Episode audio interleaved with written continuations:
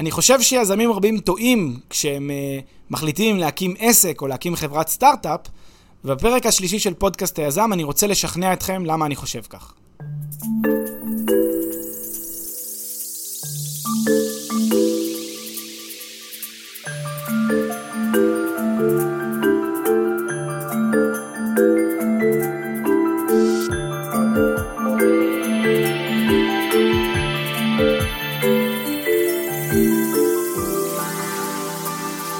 פודקאסט היזם, פרק 3, ברוכים הבאים, כאן פלג דוידוביץ', ואנחנו ממשיכים אה, במסע שלנו אה, בעולם היזמי, אה, בעולם שמנסה ככה לאתגר, לשאול את השאלות, לחשוב בצורה ביקורתית, לנסות להבין אה, האם אנחנו פועלים נכון, האם אנחנו צריכים לתקן, לשנות.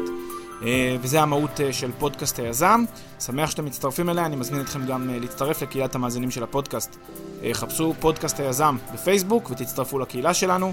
היא לאט לאט נבנית לה, וזאת הזדמנות, זה מקום נחמד לדון, להעמיק את, ה, את הדברים שאנחנו מדברים עליהם כאן בפרקים, ואני חושב שזאת הזדמנות נהדרת לחלוק רעיונות, לשתף, אז מוזמנים להצטרף. אמ, אנחנו בעצם היום אה, בפרק אה, שלישי, והפרק עוסק, אה, לדעתי, שוב, באחת השאלות הבסיסיות והמרכזיות ביותר, לדעתי, בעולם היזמות, או שצריכה להיות שאלה מרכזית בעולם היזמות, וזה האם בעצם לפנות לאפיק הסטארטאפיסטי, או לאפיק היותר, נראה לי, הגיוני וסביר, והוא אפיק העסק. אפיק העסק שונה מהאפיק הסטארטאפיסטי, אני גם תכף אראה... אה, באיזה מובנים, אבל uh, אני רוצה להתחיל בזה שבעצם כמעט כל מי שאני מכיר שפנה ליזמות, um, פונה אוטומטית, או בחר לפנות אוטומטית לעולם הסטארט-אפיסטי. כלומר, הוא דמיין במוחו את אותו התעשרות מאוד מאוד גדולה, הוא דמיין בתוכו את הצמיחה המטורפת הזאת שכולם חולמים עליה. והוא בחר בה כמעט כברירת מחדל מובנת מאליה. אני לא חושב שמישהו לא חושב שמישהו מהם, מאותם אנשים שאני מכיר שפנו לדרך הזאת, עצר רגע לחשוב, אולי, אולי עדיף לעשות את הדרך השנייה, אולי עדיף לעשות דווקא את הדרך של לבנות עסק, וממנו אולי לצאת לסטארט-אפ. אמ, ועל זה אני רוצה לדבר היום. אני רוצה להגיד שאני סוג של... חשבתי על, ה, על, ה, על שתי האפשרויות האלה, ממש ניתחתי אותן, ואני לא מצליח למצוא איזושהי הצדקה אה, יותר מדי משמעותית ללכת דווקא בכיוון הסטארט-אפיסטי, למעט במקרים חריגים. כלומר, מה שאני רוצה לטעון בפרק הזה, זה שהכלל צריך להיות לבנות עסק, אה, והחריג לכלל צריך להיות להקים סטארט-אפ. וכשאני אומר לבנות עסק, כשזה הכלל, אז זה לא אומר שאין סטארט-אפ ברקע. יכול להיות שאתה בונה את העסק ומאוחר יותר כפיתוח עסקי, אתה הולך להפיק גם אה, סטארט-אפיסטי, אתה מאיץ את אחת הפעילויות שלך, את אחד המגזרים שאתה פעיל בהם. אבל בבסיס, אתה צריך להיות עסק. זו דעתי, אמ, ואני אסביר אותה, אני אפלח אותה, אבל אה, כרגיל, אה, בפרקים שלנו בפודקאסט היזם, אנחנו מדברים על סוגיות שהתעוררו, מה שנקרא, בחדר הדיונים של המיזם שלי, של החברה שלי, של העסק שלי, ובה... וגם הדיון הזה, לא רק שהוא אה, התעורר, אלא הוא, מתעורר מדי בוקר למעשה, כמעט בכל החלטה, כמעט בכל פעולה שאנחנו עושים. תמיד יש את האגף בחברה, בעסק, ש... שב ומעלה טענות כמו אנחנו לא צומחים מספיק מהר, או כמו הייתי רוצה שיהיה לנו עוד כסף כדי להעסיק אה, ככה וככה יועצים וככה וככה שיווק, אה, ונכון שהיה לנו עכשיו יותר כסף לשפוך על זה, ושהיינו יכולים לרוץ יותר מהר לפה ולרוץ יותר מהר לשם.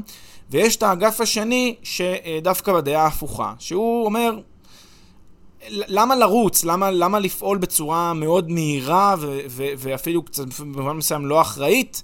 במקום לבנות את זה נכון, לבנות את זה אה, על בסיס אדנים נטועים בקרקע, אדנים יציבים, כלכלית, אה, להראות שיש לנו עסק שעובד כמו שצריך, ואז אם נרצה, נצא לאיזשהו, לאיזשהו זינוק של, של אחד, המגזר, אחד המגזרים שלנו, אבל נעשה את זה בשום שכל, נעשה את זה בתוך מחשבה, נעשה את זה אחרי שלמדנו וחשבנו, ולא מתוך איזשהו דחף לפעול בצורה מאוד מאוד מהירה, אה, כמו שבדרך כלל אנשים פועלים. אז, אז זה בעצם הוויכוח שהתעורר. אז בין שני אגפים, אחד שמושך לכיוון של בעצם להניע את הדברים מהר ולצמוח מהר, והשני שאומר אה, מעין כזה גישה של אולד יור אורסט, עצרו, בואו נהיה טיפה יותר איזי, uh, ונחשוב כשיש לנו יותר כסף בקופה, uh, ובין שתי הגישות האלה, אני ככה, היה לי מאוד מוזר, או עד עכשיו, מוזרה לי הגישה הראשונה. כלומר, הרבה יותר מוזר לי, כשאני מנסה לחשוב ולנתח ולפצח את זה, הרבה יותר מוזר לי אה, לרוץ, הרבה יותר מוזר לי ללכת לכיוון הסטארט-אפיסטי, אני, אני כמעט לא מוצא הצדקות.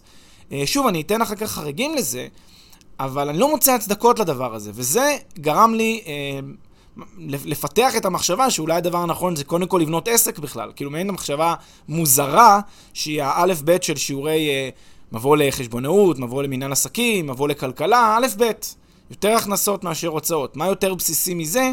מאיזושהי סיבה זה הפך, אצל, זה הפך אצל הרבה אנשים להיות כמו סוג של uh, חריג. Uh, ודווקא לי זה נשמע כמו הבסיס, הבסיס הכי אינטואיטיבי, הכי ברור, uh, ודווקא אליו אני, אני חושב שנכון לכוון.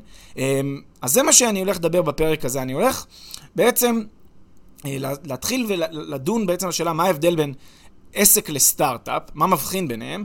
אני אגיד מה הכלל הגדול לדעתי אה, שכדאי אה, לפעול על פיו. אני גם אסביר כמובן את הכלל הזה. אני גם אגיד איך עושים את זה תכלס לדעתי. מה אני חושב שסדר הפעולות הנכון של כל יזם, בכלל, בכל מיזם שהוא, למעט מיזמים חריגים שגם אותם אני אציין, והמיזמים החריגים באמת יהיו הנושא האחרון שאני אדבר עליו, זה מהו החריג לכלל, ולמה. מה, מה זה בעצם החריג? למה, למה, למה קיים בכל זאת מקרים שבהם אני כן אגיד שצריך ללכת לכיוון של סטארט-אפ אה, ולא לכיוון של עסק?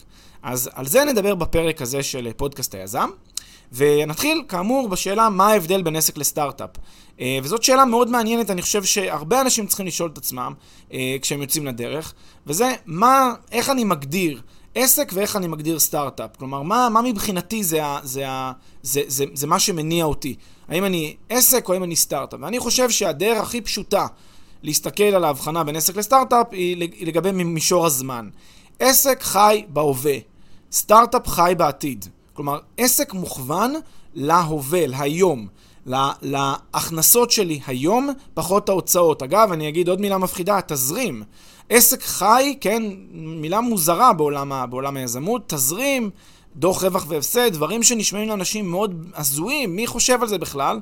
אבל זה מה שעסק חושב עליו, עסק חושב על, על, על המזומן כמו על, אה, אה, אה, כן, צינור הנשימה שלו, כמו על האוויר לנשימה שלו. הוא חייב מזומן כדי להתקיים, הוא חייב לשלם משכורות, הוא חייב לשלם לשכירות, הוא חייב לשלם לספקים, יש לו יותר הוצאות מהכנסות, אז הוא בבעיה.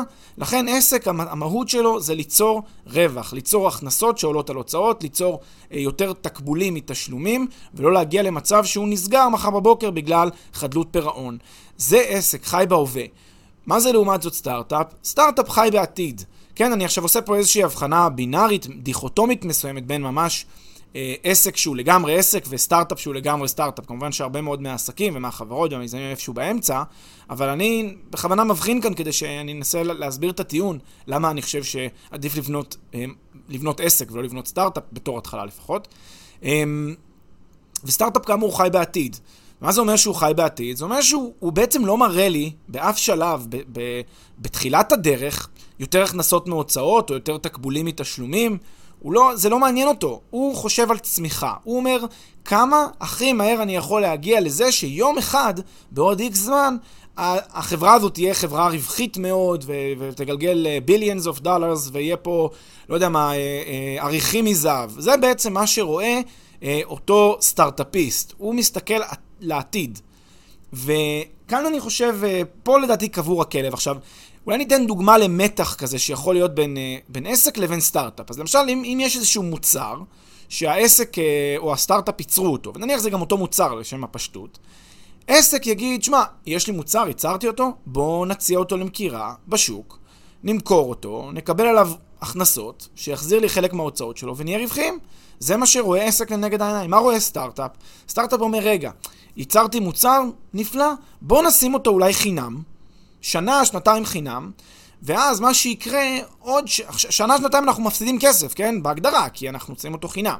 עכשיו, עוד שנתיים, לא יודע מה, שלוש, חמש שנים, כל כך הרבה אנשים יתרגלו להשתמש בו, שהמוצר הזה יהפוך להיות must מבחינתם, ואז הם ישלמו עליו כסף. אבל אז אתה כבר, אם תהיה כזאת עם מוכרות בשוק, אתה תהיה כזה, כבר צמחת כל כך לרוחק, ולרוחב, כן, מכל הכיוונים צמחת, שאתה כבר uh, תפסת אחיזה בשוק, ופתאום יש לך משהו שווה ביליאנס.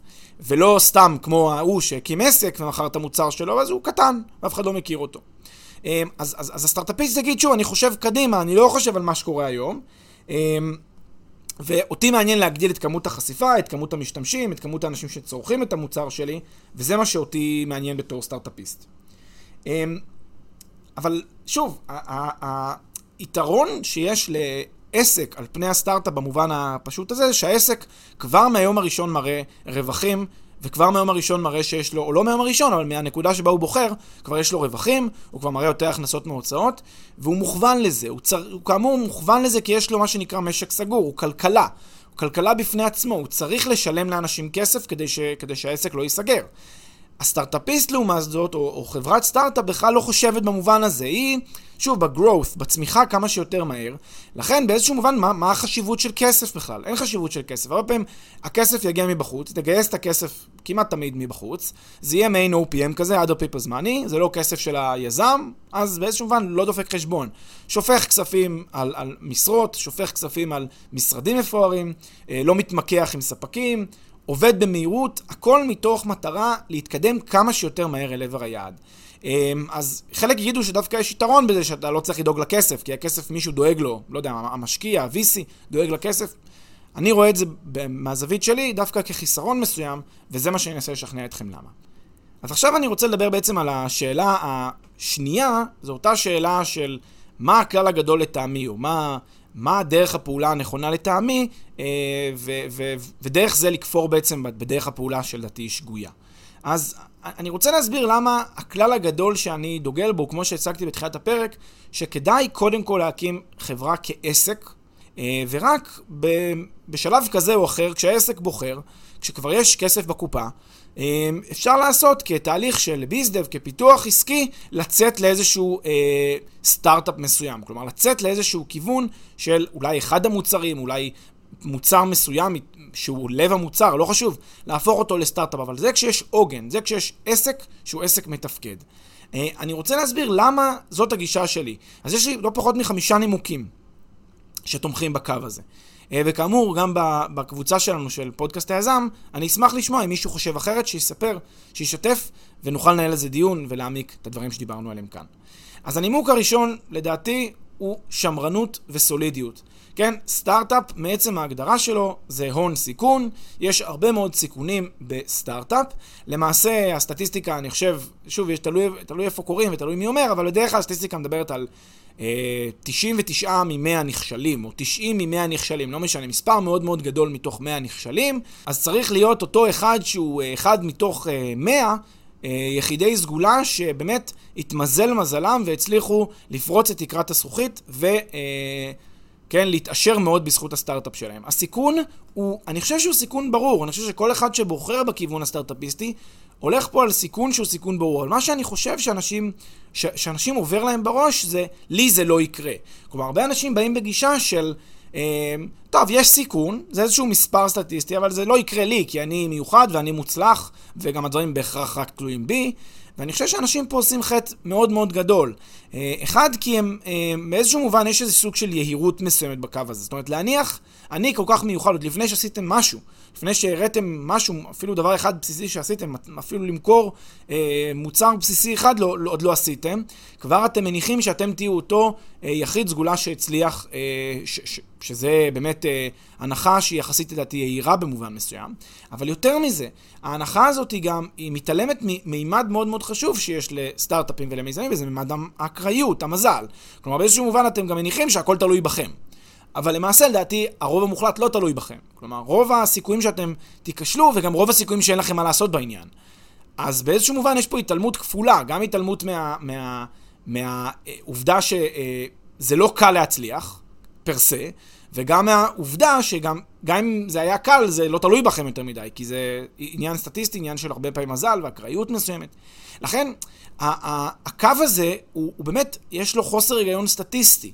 אני לא נכנס פה עכשיו לחישובי תוחלת ולשאלה, טוב, אבל אתה יכול להרוויח uh, מיליארד דולר, אז, אז אולי, אולי בתוחלת זה שווה לך. אני לא נכנס לחישוב הזה, אני, אני דווקא מסתכל על זה מכיוון אחר. אני אומר, האם אנחנו, את, ה, את החיים כאן, כן, את התקופה שאנחנו חיים כאן, האם אנחנו מוכנים שבסיכוי של 1 ל-100 נצליח להתעשר מאוד, אבל בסיכוי של 99 ל-100 כנראה שעוד שנתיים, עוד שלוש, נחזור חזרה ל, אה, ל, ל, ל, לסיטואציה אחרת לגמרי, סיטואציה שאנחנו לא הכרנו אותה, או לא היינו מוכנים אליה, ואז נתחיל לחפש את דרכנו בעולם, אה, אחרי שכבר איבדנו אולי ביטחון, אולי נכשלנו, אולי זה לא הצליח. יש כאלה שאומרים, טוב, אז תעשה, טוב, תעשה אחד, לא הצליח, תעשה את השני.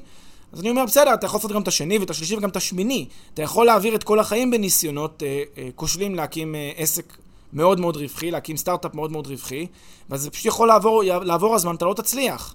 שוב, כי הדברים לא תלויים בך, ויש רצף נסיבות שלפעמים יכול לגרום לך להיכשל, לא, לא בגלל שעשית משהו לא טוב. אה, וגם אני, אני גם לא בטוח כמה באמת אה, אנשים יכולים לשפר את הסיכוי אם הם ילמדו מהטעות של פעם קודמת. כי כל מקרה לגופו, כל חברה בפני עצמה, כל סטארט-אפ יש לו את הסיפור שלו. לכן אני לא מצליח כל כך uh, לראות, את, להבין את ההתעלמות מרכיב האקראיות או מרכיב המזל שיש כאן, ואני טיפוס יחסית סולידי ושמרן, אני, או יותר נכון, אני, אני לפחות, אני, אני אומר סולידי ושמרן, כי בעיני המאזין שרגיל לחשוב שאולי סטארט-אפ זה טוב, אני קורא לעצמי סולידי ושמרן, אבל לדעתי... אני יותר, uh, מה, ש, מה שאני יכול לכנות אותו, הבן אדם שחושב בצורה רציונלית ומנסה להפעיל את שיקול הדעת הבריא בתהליך הזה, ולא להישאב אחר uh, תמונות ההצלחה והשמפניות וה, והעריכים מזהב. אליי זה פחות מדבר ברמה האישית. אני, גם אם, היה לי 1 ביליון דולר בחשבון הבנק, כנראה שהייתי נשאר באותה רמת חיים שיש לי היום, אז זה לא ממש משנה לי. אז זה לא הכסף שמניע אותי, או לא הכסף הגדול שמניע אותי. אולי קצת הייתי משפר את רמת החיים, אבל לא בשביל זה התכנסתי. למיזם של עצמי. אז, אז באיזשהו מובן, אני, אני כאילו לא, לא ממש... אה, אני, אולי זה מאפשר לי לחשוב על זה בצורה יותר רציונלית, יותר מפוקחת לפחות מהזווית שלי. אז זה הנימוק, אז זה הנימוק הראשון, השמרנות והסולידיות. שהוא גורם לחשוב, רגע, בוא, מה, מה אתה צריך להקים סטארט-אפ? תקים עסק. מה זה חשוב? למה, שתיק, למה שתקים סטארט-אפ שייכשל? תקים עסק שכנראה יותר סיכוי שיצליח. אה, ותכף אני אסביר אה, באיזה אופן. אז הסיבה, הש... הנימוק הש... השני שאני חושב עליו, שהוא הנימוק אה, ללמה אני בעד גישת העסק ולא סטארט-אפ, הוא שאני לא כל כך אוהב מה שנקרא למכור חלומות. אני לא אוהב את גישת ה... נסתדר בעתיד, או גישת ה... יהיה בסדר, או גישת ה... בואו נמכור, בואו נראה שאנחנו אה, יודעים ליצור משהו, ואחר כך, אה, ואחר כך אה, ניתן לזה תג מחיר. אני לא מאמין במכירת חלומות. אני מאמין שצריך למכור מוצר במחיר שנמוך מהתועלת שהוא מביא למי שקנה אותו. אני חושב שצריך כבר מהיום הראשון לייצר מוצר שאפשר למכור אותו ולקבל עליו כסף. אני לא רואה, אני לא מבין למה זה נורא מטריד אנשים. כלומר, למה אנשים בורחים מזה? למה אנשים מעדיפים לעשות משהו גדול, מהר אה, ועצום, ולמכור איזשהו חלום, כשאני חושב שהגישה ה... יותר בריאה, היותר נכונה לבן אדם, זה לא למכור את החלום, זה להראות שמשהו שהוא עובד מביא לך כסף. וזה מחזיר אותי לדוגמה עם אותו מוצר שאני יכול למכור אותו תמיד בחינם, שם לו תג מחיר אפס, ואז כן, התנפלו עליו, התנפלו עליו מאות ואלפי אה, משתמשים, ואפילו עשרות אלפי משתמשים, ויופי, נהדר. אבל יכול להיות שברגע שאני שם לו תג מחיר של עשרה דולר, כבר אף אחד לא קונה אותו. אז מה עשיתי בזה? סתם יצרתי כאילו באז, מעין באז כזה פיקטיבי, סביב משהו שאין לו שום משמעות. כי זה לא, לא מבטיח לי שהמוצר הזה יהיה שווה כסף. עכשיו, אני יודע, יש דוגמאות למוצרים שבהם ברגע שאתה בונה את, ה, את הקהילה, ברגע שאתה בונה את, ה, את, ה, את, ה, את הקהל כבר, אז אתה יכול, אחרי שבנית אותו, להתחיל לעשות מה שנקרא מוניטיזציה. אני לא כופר בזה, זה קיים, אבל ל, ל, לפחות אני, אני יכול להבין יותר בזה, בהיגיון בזה, אם משולב לתהליך גם יצירת מוצרים שנותנים לי ערך גם בתוך כדי התהליך. ולא לבנות הכל על מוצר אחד שאולי יעשה או אולי לא יעשה מוניטיזציה בעתיד. אז הנימוק השני הוא הרצון להימנע מפני מכירת חלומות. אני מעדיף להראות משהו שהוא אה, מהיום הראשון עובד, ולא משהו שאולי אולי יעבוד בעתיד. הנימוק השלישי שמניע אותי הוא שאני מסתכל על זה כסוג של אה, שסתום חד-כיווני, כן? כל יזם יכול להפוך בכל רגע נתון לסטארט-אפיסט, או כל עסק יכול להפוך בכל רגע נתון לסטארט-אפ, אבל לא הפוך. סטארט-אפ לא יכול לחזור אחורה להיות עסק. עסק יכול בכל נקודת זמן להחליט על אחד המוצרים שלי, או אפילו על המוצר העיקרי. אני עכשיו הולך ומגייס כסף ועושה איזושהי פעולה סטארט-אפיסטית, אני לפעמים גם לא צריך את הגיוס, אבל אני, אני עושה את הפעולה הסטארט-אפיסטית ומתחיל לעשות growth, ואז אני מגדיל את אותו מוצר. ו- וזה תמיד אפשר לעשות, אבל ברגע שבחרת בכיוון הסטארט-אפיסטי זה כבר אין לך את הדרך חזרה. כי עכשיו בכיוון הסטארט-אפיסטי יש לך בדרך כלל, אה, אה, אתה חייב להראות מנועי צמיחה, אתה חייב לעמוד ביעדים, אתה חייב לפעול משנה לשנה כדי לגייס עוד כסף ועוד כסף ועוד כסף, מעין כזה להגדיל את, ה, את, ה, את הבסיס שלך, כל הזמן להגדיל ולהגדיל ולהגדיל. אתה חייב כל הזמן להראות שאתה גדל בקצב כזה מעריכי. אתה חייב להראות את זה, ואם לא תראה את זה, נגמר הברז, נסגר, נסגרת המסיבה. עכשיו אתה יכול למצוא את עצמך, אה, סוגר את החברה, תוך כמה שנים, כי לא הצלחת לגייס בשנה הבאה, אה, אפילו שבעיקרון יש לך אולי אפילו כבר מוצר שהוא סוף סוף עובד, הוא מוצר סוף סוף מתפקד. פשוט לא הספקת, לא הספקת למכור אותו בזמן הזה. אה, ו- ואת הכיוון ההפוך תמיד אפשר, אז למה לא להשאיר לי את ההחלטה? כלומר, למה לא להקים עסק? ואז אחרי שהקמתי אותו, אם אני ארצה לעבור לאפיק הסטארט-אפיסטי, כי בא לי growth נורא ובא לי תאריכים מזהב, אז אני יכול אה, לעשות את הפעולה הזאת, אין בעיה, אני יכול אה, לעבור ל mode של סטארט-אפ. אה, אבל את ההפך, אני קצת יותר מתקשה למצוא את הדרך לעשות את זה. אז זה הנימוק השלישי. הנימוק הרביעי לדעתי, זה שעסק, אם יש לו רווחים, לדעתי גם ב mindset, בתחושה של אותו יזם, בתהליך שהוא עובר, ברגע שהוא הצליח להראות רווחים, זה נותן לו בוסט ביטחון מטורף. עסק שהוא רווחי, שיש לו הכנסות, אפילו הכנסות יפות, והוא מצליח להראות שהוא ולידטיבי, שהוא עובד, שמתפקד, יש עובדים, יש פעילות, זה נותן בוסט אדיר של ביטחון ליזם. ולדעתי, סטארט-אפ, יש איזושהי בעיה אינהרנטית בביטחון של היזם. סטארט-אפיסטים נמצאים כל הזמן עם האקדח צמוד לרקה, כל הזמן הם נמצאים בסטרס, כל הזמן הם בלחץ, גם אחרי גיוס מוצלח. בדרך כלל, לפחות אני ככה תופס את זה, אם אני הייתי מגייס כסף למיזם שלי, אז נראה לי שהייתי מתחיל לא לישון בלילה. הייתי מתחיל, מה שנקרא, באמת לפחד. הייתי באמת מתחיל לדאוג. כלומר, הייתי אומר, אוי ואבוי, מה עשיתי? כלומר, דווקא לי נראה שהביטחון שיש לי כיזם נגזר מזה שאני רואה רווחים, מזה שאני רואה שיש יותר הכנסות מהוצאות. זה נותן לי שקט, זה נותן לי רוגע, זה אומר, הכל יהיה בסדר בצד הזה, בצד, בצד הפיננסי, הכספי, הצד החשוב והבאמת. יהיה בסדר, כי אתה, אתה רואה שיש לך את זה, אז אתה... אז שוב, אתה עוד לא שם, אתה עוד לא בגדלים הגדולים, אבל לא, אתה לא צריך את זה בשלב הזה. אתה כרגע צריך לבנות משהו שעובד, וזה נותן לך את הביטחון, ואז, יותר מזה, הביטחון הזה הוא אותו דבר שאחר כך יעזור לאותו אה, יזם של עסק, לאותו בעל עסק, יעזור לצאת, ו... לצאת וללכת לכיוון הזה של ה-growth, של הצמיחה. כי תמיד יש לך את ה... את ה... את הפולבק, תמיד יש לך לאן ליפול. כי במקרה הכי גרוע, הסטארט-אפ שניסית לעשות לא עבד, לא הצליח, תחזור חזרה לעסק הרווחי שעובד לך. מה הבעיה? הוא ממשיך לייצר לך כסף, הוא ממשיך לייצר לך הכנסות, אה, ויותר הכנסות מהוצאות. נפלא.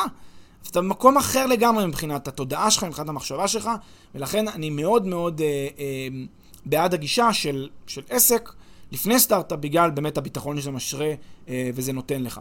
אה, אז זה הנימוק הרביעי. והנימוק החמישי, שלדעתי הוא הכי פחות חשוב, אבל עדיין אני מוצא נכון להגיד אותו, זה נימוק הדילול. כן, עסק, מאחר שאתה לא מגייס כסף אה, בדרך כלל לעסק, אה, לא הרבה לפחות, ולסטארט-אפ המודל שלו הוא מודל לא בוטסטרפי, כלומר הוא מודל ממש של גיוסים, אז בהגדרה אתה בעצם אה, נדרש לדלל את עצמך החוצה, לדלל את עצמך מבחינת כמות המניות, ואז גם בסוף אם החברה תהיה שווה הרבה מאוד כסף, יישאר לך אה, חלק קטן או שברירי מתוך הדבר הזה. עכשיו, כמובן, לא הייתי מתנגד לשברירים מתוך מיליארדים, אבל עדיין, בסוף נתת את הנשמה שלך עכשיו אה, שמונה שנים בדבר הזה, בסוף נשארת עם אה, נחמד, עם אקזיט נחמד, אבל, אבל שוב, זה לא, אני לא יודע, אני, אני לא, אני... זה, זה נימוק יותר חלש, אני מסכים. נימוק הדילול הוא נימוק יותר חלש. אני פשוט חושב שכעניין עקרוני, זה דבר שצריך להמר. צריך, צריך, צריך לזכור שבסוף, גם אם אתה, אתה לקחת מוצר שבנית במו ידיך אתה, ואתה עובר הרבה ראונדים של גיוס, עוד גיוס ועוד גיוס ועוד גיוס, אתה פשוט מדלל כל הזמן את החלק שלך. אז אתה נתת את הנשמה, בסוף מישהו אחר, או הרבה אנשים אחרים הולכים ליהנות מזה, אה, וזה גם אולי אחד הדברים שאני אה, קצת מבקר בגישת ה-OPM. Other people's money, שאנשים נורא נורא אוהבים להתפאר בה, ואני שוב, גם בה, אני לא כל כך מבין את ההתפארות המיוחדת. אני דווקא, ב, וגם על זה אני פעם מדבר באיזשהו פרק, שאני דווקא בגישה שאולי הווינר, כן, אם אומרים ש-OPM יש ווינר שזה המג... מי שגייס, כי זה לא כסף שלו והוא לא סיכן, אני דווקא מסתכל על זה קצת הפוך במובן הזה, אני מסתכל על זה על... הווינר הוא דווקא הצד שהשקיע, תחשבו, הוא ישב כל היום בים עם פינה קולדה, מישהו אחר עבד, ובסוף הוא מחלק לו פי עשר על, על ההון שלו. לא יודע, לי זה נשמע דווקא שיש ווינר אחר בתהליך, אבל, אבל על זה, בזה, בזה נקדיש אה, פרק בפני עצמו. אבל כעיקרון, הנימוק החמישי מת הוא נימוק הדילול, ואני אסכם חזרה את כל הנימוקים אה, רק כדי שנעשה סדר קצת לדיון. אז בעצם הנימוק הראשון היה נימוק השמרנות והסולידיות. הנימוק השני היה שאני לא חושב שכדאי למכור חלומות. הנימוק השלישי זה, ש, זה שסתום חד-כיווני. תמיד כל יזם יכול להפוך לסטארט-אפיסט, אבל לא הפוך. הנימוק הרביעי זה הביטחון שזה משרה על היזם, שבעצם הוא הצליח להראות רווחים, אז, אז הוא בביטחון, עכשיו הוא יכול לצאת לעשות סטארט-אפ אם הוא רוצה. והנימוק החמישי הוא נימוק הדילול. אז אלה הם בעצם הנימוקים שגרמו לי לחשוב שעדיף עסק על פני סטארט-אפ. אמ, ועכשיו עולה השאלה, אני חושב שאולי התעוררה לחלקכם כבר תוך כדי הדיון, וזה איך עושים את זה בתכלס. אז מה אני מציע? כלומר, איך זה בעצם עובד? אה, שלב אחרי שלב. אז אני אנסה שנייה לשתף מאיך שאני רואה את זה, אמ, אמ, ולנסות אולי לתת איזה כמה תובנות חשיבה וערך מה, מהמקום הזה. אז נגיד יש לי רעיון למיזם, אני רוצה להקים מיזם כלשהו, לא יודע מה, נגיד יש לי רעיון שאני חושב שהוא טוב או חדשני, אה, או שיש כימיה בין שותפים ואנחנו חושבים שאפשר עם הכימיה הזאת לצאת ולכבוש את העולם, או שיש אמון בשוק או בתחום מסוים, אנחנו נורא רוצים לקבל דריסת רגל בתחום הזה, או שיש צורך באיזה משהו שאנחנו חושבים שכדאי לפתור אותו. אז זה מתחיל תמיד בדבר הזה, ש, ש, שזה המניעים להקים מיזם כלשהו. אמ, ואני חושב שעכשיו הפעולה שצריכים לעשות זה לחשוב איך אני יוצר לדבר הזה, לפני שאני יוצר את המיזם עצמו, מקורות הכנסה. איך אני יוצר ממה שיש לי, ממה, ש, כן, ממה שאלוהים נתן לי, איך אני יוצר מזה מקורות הכנסה. עכשיו, כל אחד מהשותפים במיזם הזה, וגם אם זה שותף אחד, גם אם זה מספר שותפים, כל אחד מהם יש לו יתרון יחסי במשהו. כן, הרי אחרת הם מת... לא היו מתאגדים. טוב, יכול להיות שאין להם, להם יתרון יחסי בכלום, ואז אני לא רואה סיבה שבגללה הם היו הולכים ובוחרים דווקא ביזמות. אני חושב שאנשים מראש הולכים לכיוון היזמי בגלל שהם חושבים שיש להם איזשהו יתרון יחסי על פני אחרים. אז נסו לפצח מה היתרון היחסי שלכם. עכשיו, היתרון היחסי שלכם הוא במשהו ספציפי. אתם יכולים למכור אותו מיד, כבר מהיום הראשון, על המשהו הספציפי שיש לכם יתרון יחסי בו. לא צריך להתעשר מזה. לא צריך להיות, uh, כן, להרוויח את הביליאנס רק מזכות היתרון היחסי שיש לכם הספציפי. אבל אתם יכולים לעשות משהו שכולם עושים, רק קצת קצת קצת יותר טוב, ולהציע אותו קצת יותר בצורה מוזלת, ואז טיפה להתחרות. שוב, מתוך מטרה ליצור איזשהו מקורות הכנסה כלשהם.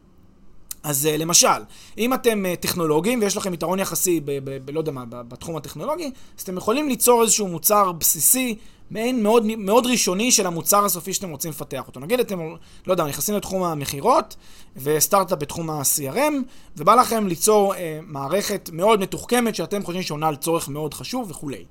אז זה המוצר הסופי. למה שלא תתחילו בתור התחלה בלתת שירות לעסקים? אה, קטנים, בלפתח להם איזשהו מוצר CRM ספציפי. ממש כמו אה, בית תוכנה רגיל, שזה מה שהוא נותן שירותים. לפתח מוצר CRM. עכשיו, אתם, אתם ממילא כבר בתעשייה הזאת של ה-CRM. יש לכם את היתרון היחסי, כנראה לדעתכם, בתעשייה הזאת, בטכנולוגיה, בהבנה, בצרכים, אז למה שלא תיצרו מזה איזשהי מקור הכנסה? תמשיכו לעבוד, אם אתם רוצים, על המוצר הזה שאתם חולמים שיהיה גדול. תמשיכו לפתח אותו ככה ברקע, אבל את, ה, את המוצר הזה, ש, אבל בינתיים תיצרו מקורות הכנסה שייצרו לכם יותר הכנסות מהוצאות, שתוכלו לשלם לעצמכם שכר, שתוכלו לשלם על, ה, על, על דמי השכירות של העסק, שתוכלו לשלם לספקים, שיהיה לכם כסף בקופה. אמ, ו- ו- וככה תתחילו להתגלגל. זו דוגמה ראשונה. עכשיו, זה אם אתם טכנולוגים ויש לכם, לא יודע, מוצר טכנולוגי שאתם מפתחים אותו. אמ, אבל למשל, אם אתם, אה, אחד היזמים נגיד בשותפות הוא איש של אנשים, איש של קשרים. ונניח המוצר הוא, לא יודע מה, שוב, מוצר בתחום אחר לגמרי. אז למה שאותו בן אדם שהוא איש של אנשים וכולי, לא ייתן אה, חלק מהשירותים שהוא נותן, גם ייתן שירות כזה של חיבור בין אנשים, חיבור בין יזמים למיזמים, לא יודע מה, כל מיני דברים שהוא יעשה אותם כדי שיתחיל להניע, הוא יעשה את זה מטעם החברה לצורך העניין, יתחיל להניע את החברה הזאת אה, מבחינה, מבחינה כלכלית, מבחינה פיננסית. לא רואה שום סיבה למה לא לעשות את זה, אמ, ולמה לרוץ קודם כל לאפיק של גיוס הכסף, שכאמור אה, לוקח אתכם למקומות שדיברנו עליהם אה, קודם. אפשר גם, אה, מאחר שאתם כבר נכנסים לאיזשהו תהליך יזמי כלשהו בתחום מסוים, אתם רוכשים הרבה ידע ומקצועיות שהם ייחודיים לכם. ולכן הידע הזה שווה כסף, אתם יכולים למכור אותו. אתם יכולים למכור אותו על דרך של קורסים, הכשרות מקצועיות, על דרך של הדרכות שאתם יכולים להעביר, online, offline, מה הבעיה? כלומר, תעשו את זה, תקבלו עוד מקורות הכנסה. הנה, אחלה באחלה, יש לכם עוד פעם מוצר שאתם יכולים אה, למכור אותו, מוצר מדף, לא להתעשר ממנו, אבל הוא ייתן לכם משהו. בקיצור, כל דבר שיכול להניע לכם את גלגלי המערכת, לתת לכם אוויר, לתת לכם קצת הכנסות על פני הוצאות, אה, הוא מבורך לדעתי, וזה מה שאתם צריכים ליצור. עכשיו, אני, אני משער שלאורך התהליך הזה, שאתם בונים את העסק שלכם ולא את הסטארט-אפ עדיין, יבואו לכם עוד רעיונות לכל מיני מוצרי מדף נוספים. תשתמשו בהם, תמכרו גם אותם. מוצר מדף כזה, מוצר מדף כזה, תבנו לכם סל של מוצרי מדף, שבסוף ת, ת, תוכלו לקבל מהם אה, רווחים נעים, ולהתקדם הלאה לעבר הסטארט-אפ שאתם רוצים לפתח אותו. אז זה, זה הקו שאני חושב ש, שצריכים לפעול לפיו. רק כמוצא אחרון, אם לא הצלחתם, אז כן, אז, תם, אז תלכו אה, ממש, אה, לא יודע מה, לפתרונות שהם יותר אה, כבר אה, סטארט-אפיסטים באופיים. אבל לא, בטח לא כברירת מחדל, בטח לא כדיפולט. אז זה בשלב בניית העסק, ולדעתי, מה שקורה אחרי שבניתם עסק זה שיש לכם כבר רווחים. אתם צריכים להגיע לפול מסוים של רווחים שאתם שלמים איתם. רווחים שאם תרצו, תקראו להם העוגן. אם תרצו, זה רווח שמחזיק אתכם, לא יודע מה, עם הראש אה, מעל המים, ברמה האישית, ברמה המשפחתית, ברמה, לא יודע מה, הכלכלית. לא יודע מה, תניחו 15,000 שקל נטו בחודש, זה מה שאני צריך כדי להתקיים, בגיל הזה, בתקופה הזאת של חיי וכולי. תניחו שאתם צריכים להגיע ליעד הזה, וכל אחד מהשותפים צריך 15,000, אז אתם צריכים 50,000 נטו בחודש, אחרי מיסים, אחרי הכל. זה מה שאתם צריכים בסוף להגיע אליו. הגעתם ליעד הזה? אחלה. עכשיו כל מה שאתם יכולים לעשות, יש לכם עכשיו את, ה, את הביטחון הכלכלי, שבו כבר אי אפשר לפגוע, הוא כבר נמצא לו אי שם בצד, ועכשיו כל שקל עודף שאתם מייצרים בעסק שלכם, שעכשיו הוא כבר נקרא עסק, ת, תניעו אותו אל עבר הפיתוח העסקי, אל עבר הביזדב שאתם צריכים אותו. ותחליטו האם אתם רוצים לגייס כסף בנוסף, או להישאר תחת bootstrap, uh, להישאר תחת הכסף שלכם, אותם uh, הכנסות, רווחים שיצרתם. אם אתם חושבים שצריך בשביל העסק הזה שאתם רוצים לגייס אליו הרבה כסף, אז אין בעיה, תגייסו לעסק הזה הרבה כסף, או לפעילות הספציפית הרבה כסף, בתנאי שזה תחת אותה חברה, אותה חברה שכבר יש לה רווחים של 50 uh, אלף שקל נטו בחודש, ותגייסו לאותה חברה כסף, ותתחילו לעבוד, ו- ותתחילו עכשיו לעבוד על הסטארט-אפ שרציתם. ותמיד יהיה לכם את הפולבק, תמיד יהיה לכם לאן להגיע, שזה אותם אה, רווחים בסיסיים שמחכים לכם. וככה אתם במובן מסוים ממש גידרתם את הסיכון שלכם. אין לכם בעצם סיכון אמיתי, אה, משמעותי, כן? מפני נפינה, אלא אם כן תיקחו החלטות ממש גרועות בשלב הזה ואילך. ואז באיזשהו מובן בניתם משהו שהוא הרבה יותר טוב, הרבה יותר, אני חושב, נקי, אה, ולדעתי גם מה שיקרה להרבה מכם, זה שתגיעו למצב הזה שאתם כבר אה, עם ה-50 אלף נטו האלה, תגידו, טוב, בואו ננסה לתת עוד קצת, נגיע ל-150 אלף נטו, וזה בזה נעצור. אני לא צריך יותר מאשר 30-40 אה, אלף נטו בחודש. זהו, מה אני צריך יותר מזה? שאני אשאר כל החיים על 30-40 אלף נטו, זה מה שאתם כנראה תחשבו. תגידו, עזוב אותי מהסטארט-אפ עכשיו, ללכת לרוץ, להתרוצץ, עזוב, אני במקום אחר בחיים כבר. אז זה לדעתי הדרך הנכונה שאתם יכולים אה, לפעול על פיה, וזה לדעתי גם הדרך היותר סבירה ורציונלית. אה, ולא הדרך המסוכנת וההרפתקנית שאני, שוב, לא רואה בה הרבה טעם, אה, בטח לא בתור ברירת מחדל. אז אני אומר, בתור ברירת מחדל לא. מתי אני כן חושב שהיא יכולה להוות איזושהי דרך? כשיש איזושהי הצדקה שהייתי קורא לה הצדקה, שוב, זה, זה עניין חריג ולא הכלל, אבל זה איזושהי הצדקה מיוחדת ללכת ב, ב, בכיוון של סטארט-אפ. כלומר, ללכת בכיוון של אה, עסק שחייב כמה שיותר מהר אה, לצמוח, כמה שיותר מהר לגדול. הצדקה מסוימת, אה, ואני חושב שההצדקה המסוימת היא אלמנט הזמן. זה הדבר הכי חשוב. עכשיו, אני רוצה רגע להגיד משהו על אלמנט הזמן. אחד, אני לא חושב שאתם צריכים להיות שוב ראשונים, חדשנים בשום דבר. כבר עשיתי על זה פרק ואפשר להאזין לו. למה אני חושב שחדשנות היא overrated. אז אתם לא צריכים להיות לדעתי חדשנים בשום דבר, או זה לא ייתן לכם יותר מדי להיות חדשנים, כי נתתי שם הרבה מאוד הסברים ואני לא אכנס לכל הנימוק, אבל יש דוגמאות להרבה מאוד חברות, או לדעתי רוב החברות שהצליחו מבלי שהם היו חדשניות. הם לא חידשו כלום. פשוט באו לתעשייה ועשו משהו, שיחקו בה ופשוט היה להם קצת יותר מזל. אז אתם לא צריכים להיות חדשניים. אבל אחרי שאמרנו את זה, אני חושב שיש מקרים שבהם יש חשיבות מיוחדת לזמן, ושם אתם חייבים לעשות את זה כסטארט-אפ. מה זה אומר? קחו דוגמה. נניח יש עכשיו איזושהי מחלה גדולה בעולם, וצריך לפתח לה תרופה. עכשיו, אם אתם לא הראשונים בעולם שמצליחים לפתח את הנוסחה לתרופה, אז אתם פשוט, אין טעם להתמודד. אז אתם חייבים לרוץ מהר, כן, אתם חייבים לגייס כסף מהר, אתם חייבים להשקיע משאבים, כי אתם חייבים להיות אלה שמצליחים. אז פה אני לא רואה שום היגיון להקים עסק, אין שום טעם. פשוט לא תצליחו לעמוד ב, ב, ביעד הזה, כי ייגמר לכם הזמן. או למשל, דוגמה נוספת, אם למשל הולך לקרות איזשהו שינוי אה, באופי שאנשים מתנהגים, אה, ואתם יודעים שהולך לקרות שינוי כזה, ואתם רוצים להכין, נניח אה, הולך להיכנס רכבים אוטונומיים, זה די ברור אני חושב, בתוך, לא יודע מה, עשור, שניים ייכנס רכבים אוטונומיים, אבל אתם יש לכם דווקא מוצר פיתוח לרכב רגיל, לרכב כיום שהוא לא אוטונומי. אז אני מבין, למה אתם רוצים למהר? למה אתם אומרים, אני לא אשב עכשיו ואקים עסק בתחום הרכב, ואז מאוחר יותר אני אעשה סטארט-אפ ל- ל- עם הרעיון, אני אממש את הרעיון שלי שזה לרכב רגיל. כי הרי אני אאבד את המומנטום. עכשיו יש זמן, עוד עשור, שניים עוד, של הכנסות שאני יכול לקבל, רווחים מהמוצר הזה שאני רוצה לפתח אותו, מוצר מיוחד, אה, שאני יכול ליהנות מהם. אבל uh, כל זמן שאתם רוצים לפתח מוצר שהתוקף שלו או שהחשיבות שלו היא לא מיידית, אני חושב שהכלל צריך, שצריך להנחות אתכם קודם כל לבנות את העסק, ואז את הסטארט-אפ, ולא הפוך. אז זה לגבי ה- ה- ה- הדעה שלי שעדיף להקים עסק ולא סטארט-אפ. אני, כאמור, מזמין אתכם, שוב, לקהילת המאזינים של פודקאסט היזם, חפשו בפייסבוק, פודקאסט היזם ותצטרפו.